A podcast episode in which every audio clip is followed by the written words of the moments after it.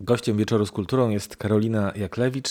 Dobry wieczór. Dobry wieczór. Karolina Jaklewicz, z którą kilka miesięcy temu spotkaliśmy się przy okazji premiery książki Jaśmina Berezy. No a teraz premiera wystawy Raj Nieutracony, malarstwo i to znakomite malarstwo. Ten Raj Nieutracony kojarzy się z takim słynnym poematem epickim Miltona. A potem Penderecki zrobił operę na podstawie tego e, poematu.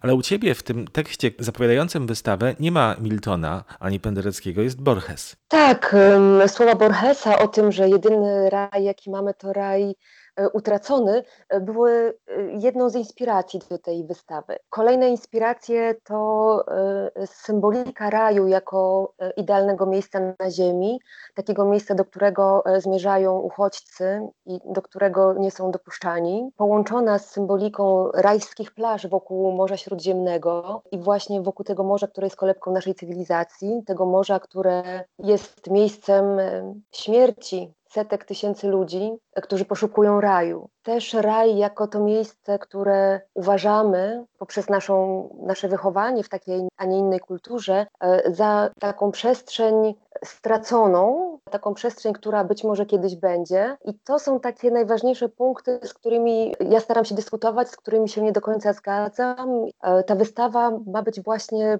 przyjrzeniem się tej przestrzeni, e, przyjrzeniem się, czy na pewno go nie mamy tu i teraz, czy na pewno to jest coś, co jest stracone, czy nie wybieramy jakiejś wygodnej drogi, myśląc o tym. Więc ten raj, tak, jednym z początków Borges, ale też te kolejne punkty, uchodźcy oraz nasza odpowiedzialność za ziemię, która jest naszym rajem. To brzmi jednak mimo wszystko, mimo tego, tych wątpliwości, optymistycznie, ale do tego za moment jeszcze dojdziemy. Taki raj nie raj na ziemi, to jest źródło cierpienia i radości. Co przeważa u ciebie? Ja mimo wszystko bardzo kocham życie być może dlatego bardzo często mówię w swojej twórczości o jego końcu. Pojawiają się w, e, no właśnie w tekstach pisanych w Jaśminie Berezy. Jednym z głównych motywów była śmierć, ale myślę, że właśnie dlatego, że ja bardzo doceniam życie, traktuję je jako raj, jako to coś, co mamy. I wydaje mi się, że bardzo niesprawiedliwe jest myślenie o tym, że kiedyś będzie inaczej i lepiej. Zastanawia mnie ten, ten schemat, ta struktura człowieka, który e, swój punkt ciężkości przesuwa w przestrzenie nieosiągalne, tak jakby pozbawia się realnej możliwości e, uczestniczenia w tym, co najlepsze. E, być może też trochę przez to staje się mniej odpowiedzialny za życie, za, za ziemię, za to, co jest dostępne, ponieważ gdzieś roi sobie wyobrażenia o tym, że coś lepszego nastanie. No nie, nic lepszego nie nastanie, musimy być możliwie odpowiedzialni za to, co jest E, musimy też myśleć o tym, że ten raj na ziemi jest niezbyt łaskawy dla wszystkich. Dlatego też te osoby, które czują namiastkę raju na ziemi, no nie mogą zapominać o tym, żeby świat czynić sprawiedliwszym e, dla tych osób, które do tego raju dążą i właśnie do tych osób, które w kolebce naszej cywilizacji, w Morzu Śródziemnym toną. Ja tutaj nawiązując do kolorystyki Morza Śródziemnego, do pewnych szmaragdów, do tego, co się nam kojarzy E, właśnie z czymś pięknym, z czymś prześwietlonym. Wracam, ponieważ e, to są kolory, które są ostatnimi kolorami widzianymi przez tonących uchodźców, jeżeli toną w dzień. Jeżeli toną pod światło, to to, co dla nas jest rajską plażą, dla nich jest miejscem ostatecznej utraty raju. Mhm. Zastanawiam się, czy dla nas kolor Morza Śródziemnego się nie zmienił od setek ciał, które utonęły w nim, czy z jakimś spokojem ducha jemy owoce morza i ryby z tego morza, to jest właśnie taka silna inspiracja, która była początkiem tej kolorystyki i w tą stronę podążałam. To Morze Śródziemne to jest, y, jak słyszeliśmy, inspiracja wielopiętrowa, bo i kulturowa, i y, kolorowa, czy kolorystyczna. Ten błękit, błękit szmaragdowy, ale jest takim ekwiwalentem, zdaje się, tego niebiańskiego, tak?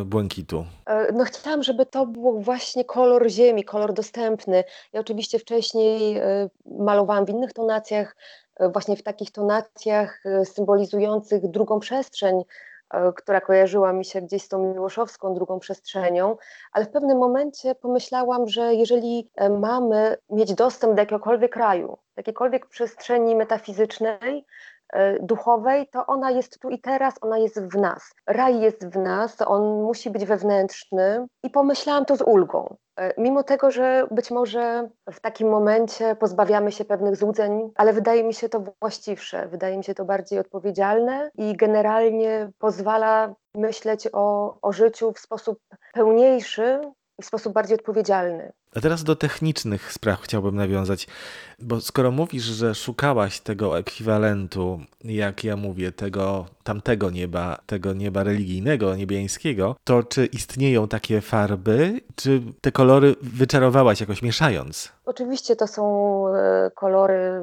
mieszane, dlatego też na tych obrazach są różne, w różnych odcieniach, także też e, sama ta kolorystyka, praca nad tym kolorem, który był dla mnie nowy, mnie pochłonęła. Było to ciekawe doświadczenie.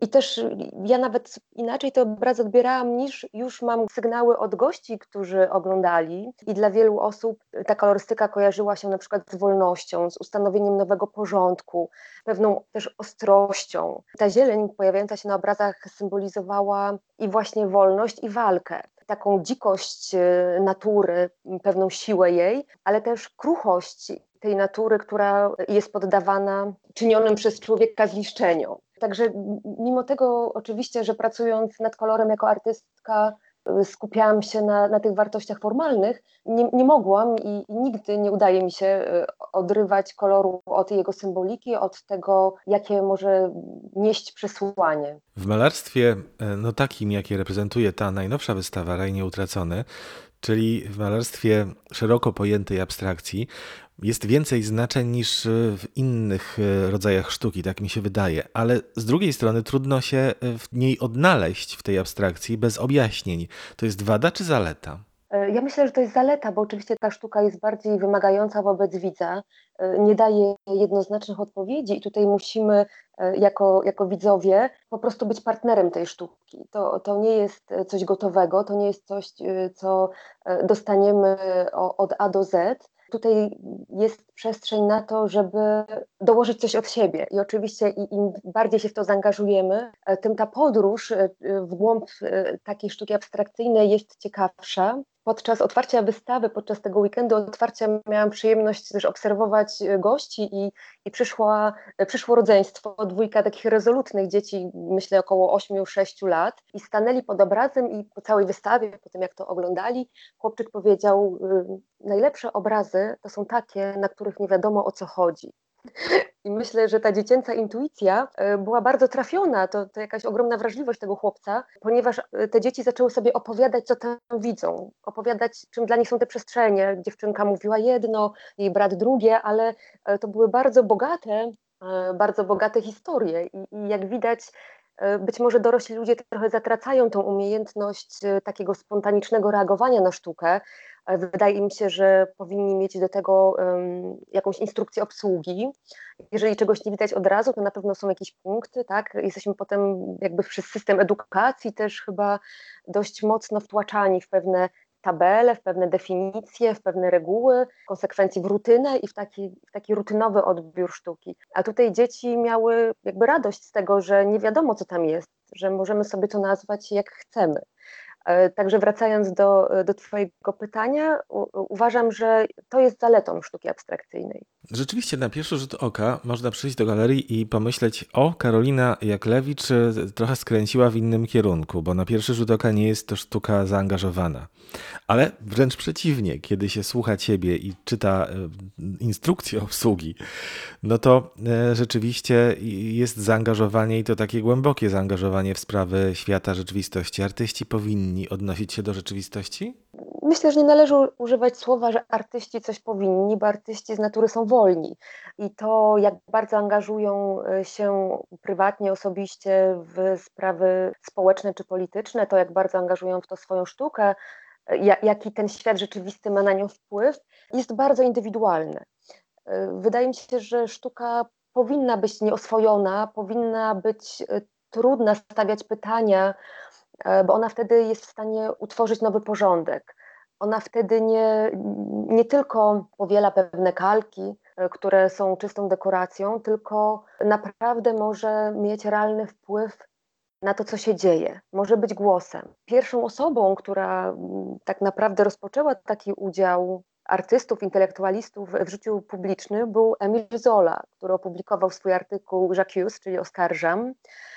I od tego momentu tak symbolicznie mówi się o tym, że artyści w bardzo świadomy sposób, artystki, artyści, intelektualistki, intelektualiści biorą też odpowiedzialność za to, co tu i teraz, biorą odpowiedzialność za rzeczywistość. Czy powinni? Powiedziałabym, mogą. Mogą i uważam, że ta opcja jest fantastyczna. Ja z tego staram się korzystać, ponieważ w takiej abstrakcji zaangażowanej, takiej nieobojętnej, no, upatruję też sensu swojej pracy, y, sensu tego, kim jestem, co robię, jak ten jedyny dany mi czas po prostu wypełniam.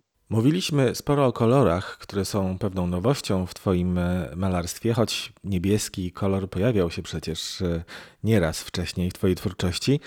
Ale też warto powiedzieć o innym e, elemencie języka Twojej twórczości, czyli o języku geometrii, bo geometria również jest tutaj ważnym składnikiem tych obrazów. Tak, geometria jest dla mnie dość naturalna.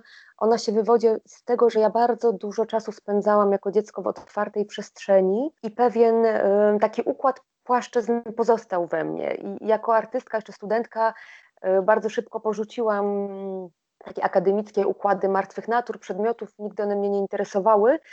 E, zawsze interesowała mnie płaszczyzna i przestrzeń. I te płaszczyzny i przestrzenie ze mną zostały. Ten język zradykalizował się oczywiście, ta geometria stała się nie tylko geometrią przestrzeni naturalnej, ale też geometrią y, przestrzeni symbolicznej, e, geometrią przestrzeni wymyślonej, właśnie takiej wielofunkcyjnej, powiedziałabym, e, takiej przestrzeni, która zarówno pokazuje zjawiska trójwymiarowe, ale też właśnie pokazuje tą symbolikę relacji przestrzennych.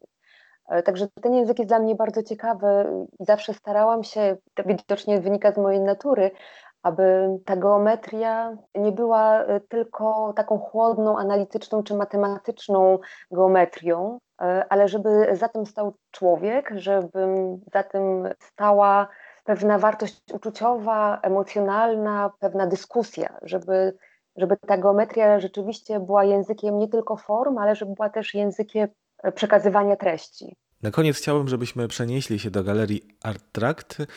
Rozmawiamy wirtualnie dzisiaj. Galeria jest otwarta. Powiedzmy, że wchodzimy do galerii, spotykamy e, artystkę, czyli ciebie, autorkę obrazów, i chcemy cię zapytać o pewien, pewną część wystawy. Więc na koniec, gdybyś mogła oprowadzić nas po tym wspaniałym tryptyku, obrazach mniejszych formatów układających się w taki tryptyk. Obrazy, które e, ewidentnie korespondują z tą pierwszą mocną inspiracją związaną z Morzem Śródziemnym, czyli z symbolicznymi ciałami zanurzonymi w wodzie, ale też pokazują pewne rozbicie świata na, na pewne drobiazgi pewną niestałość, e, pewną płynność tego świata. Ten tryptyk jest inny niż pozostałe obrazy. On, on jest trochę w innej skali. Mamy tam do czynienia z drobnymi formami i pytanie, co my w tych drobnych formach zobaczymy. Niektórzy widzą w nich właśnie symbolicznie tonące ciała, inni widzą w nich dna łódek, które być może przybyły na ratunek, a być może to są te, z których E, z których ktoś wypadł, czyli mamy taką perspektywę uczestnika sytuacji, a jeszcze inni właśnie mogą zobaczyć w tym symboliczne rozbicie, czy symboliczną taką różnorodność świata, tego, że każda drobinka jest inna, a jednocześnie wszystkie tworzą wspólny zbiór. Zawsze tak myślałam o świecie, o, o tym, że mimo wszelkich różnic tworzymy wspólny zbiór, my ludzie. Karolina Jaklewicz opowiadała o swojej najnowszej wystawie Raj Nieutracony. Bardzo Ci dziękuję za rozmowę. Dziękuję bardzo i zapraszam.